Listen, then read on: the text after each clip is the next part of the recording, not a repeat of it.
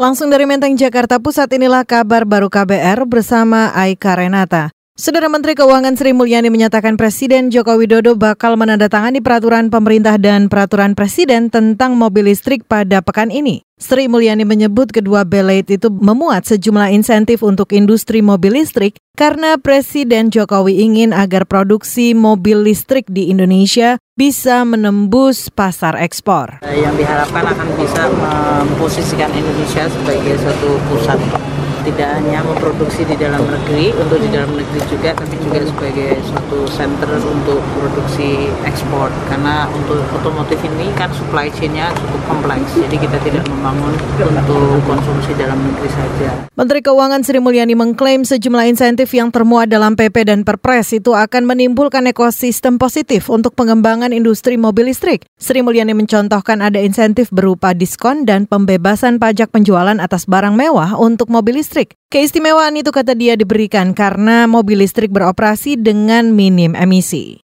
Kita beralih, Komisi Bidang Industri DPR mendorong pemerintah untuk tegas melakukan stabilisasi harga karet. Wakil Ketua Komisi Bidang Industri DPR Azam Asman menyatakan pemerintah sebaiknya segera memperbaiki harga karet daripada menyalahkan faktor alam sebagai penyebab anjloknya harga karet. Harus dibuktikan bahwa itu wabah gugur daun. Petani kan lebih pandai, lebih tahu kan petani kan? Petani kan lebih tahu, tapi bukan masalah itu. Masalah Indonesia harusnya memegang kendali terhadap harga karet.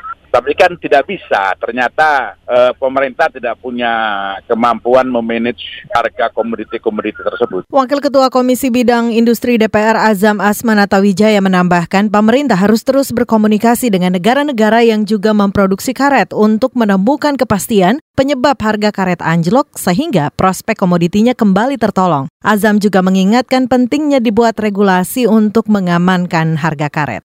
Kita berlanjut, saudara. Aset daerah masih banyak yang bermasalah. Bahkan KPK dan Kejaksaan Tinggi Riau saat ini menemukan ada aset daerah yang masih dikuasai pihak yang tidak berhak. Informasi selengkapnya kita simak laporan jurnalis KBR Mutia Kusumawardani langsung dari gedung KPK Jakarta. Komisi Pemberantasan Korupsi KPK bersama Kejaksaan Tinggi Provinsi Riau menemukan permasalahan aset daerah yang masih dikuasai pihak lain yang tidak berhak. Selain itu, permasalahan aset daerah juga meliputi proses hibah atau serah terima aset antar Pemda yang belum jelas, serta permasalahan pencatatan ganda atau klaim aset antar Pemda. Juru bicara KPK Yuyu Andrianti mengatakan permasalahan itu akan dicarikan solusinya dengan pihak-pihak yang terlibat, seperti sekretaris daerah, inspektur, kepala OPD terkait aset, dan pejabat yang berwenang lainnya. Menurut Yuyu, permasalahan aset daerah itu terjadi antara Pemprov Kepri, Pemkot Batam, Pemkot Tanjung Pinang, Pemkap Bintan, dan Pemkap Karimun. Oleh karena itu, KPK menggandeng Kejati Pemprov Riau untuk melakukan rekonsiliasi terkait permasalahan ini. Berdasarkan catatan Pemprov Riau, terdapat 15 aset dengan nilai perolehan sebesar 22,16 miliar rupiah berupa tanah dan bangunan.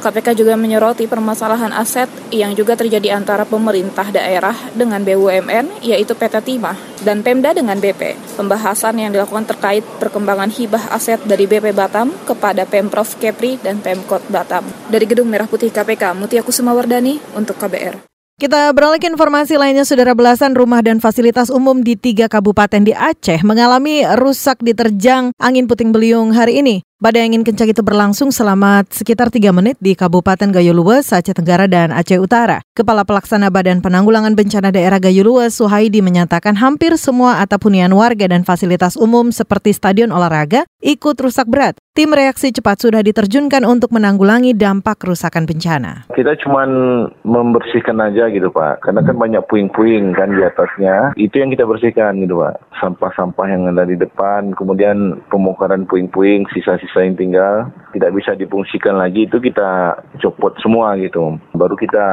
ganti dengan seng yang baru. Kepala Pelaksana Badan Penanggulangan Bencana Daerah Gayo Luas, Suhaidi menambahkan tidak ada korban jiwa akibat terjangan angin puting beliung di tiga wilayah Aceh tersebut. Kerugian material diperkirakan mencapai ratusan juta rupiah. Demikian kabar baru dari kantor Berita Radio KBR, saya Aika Renata.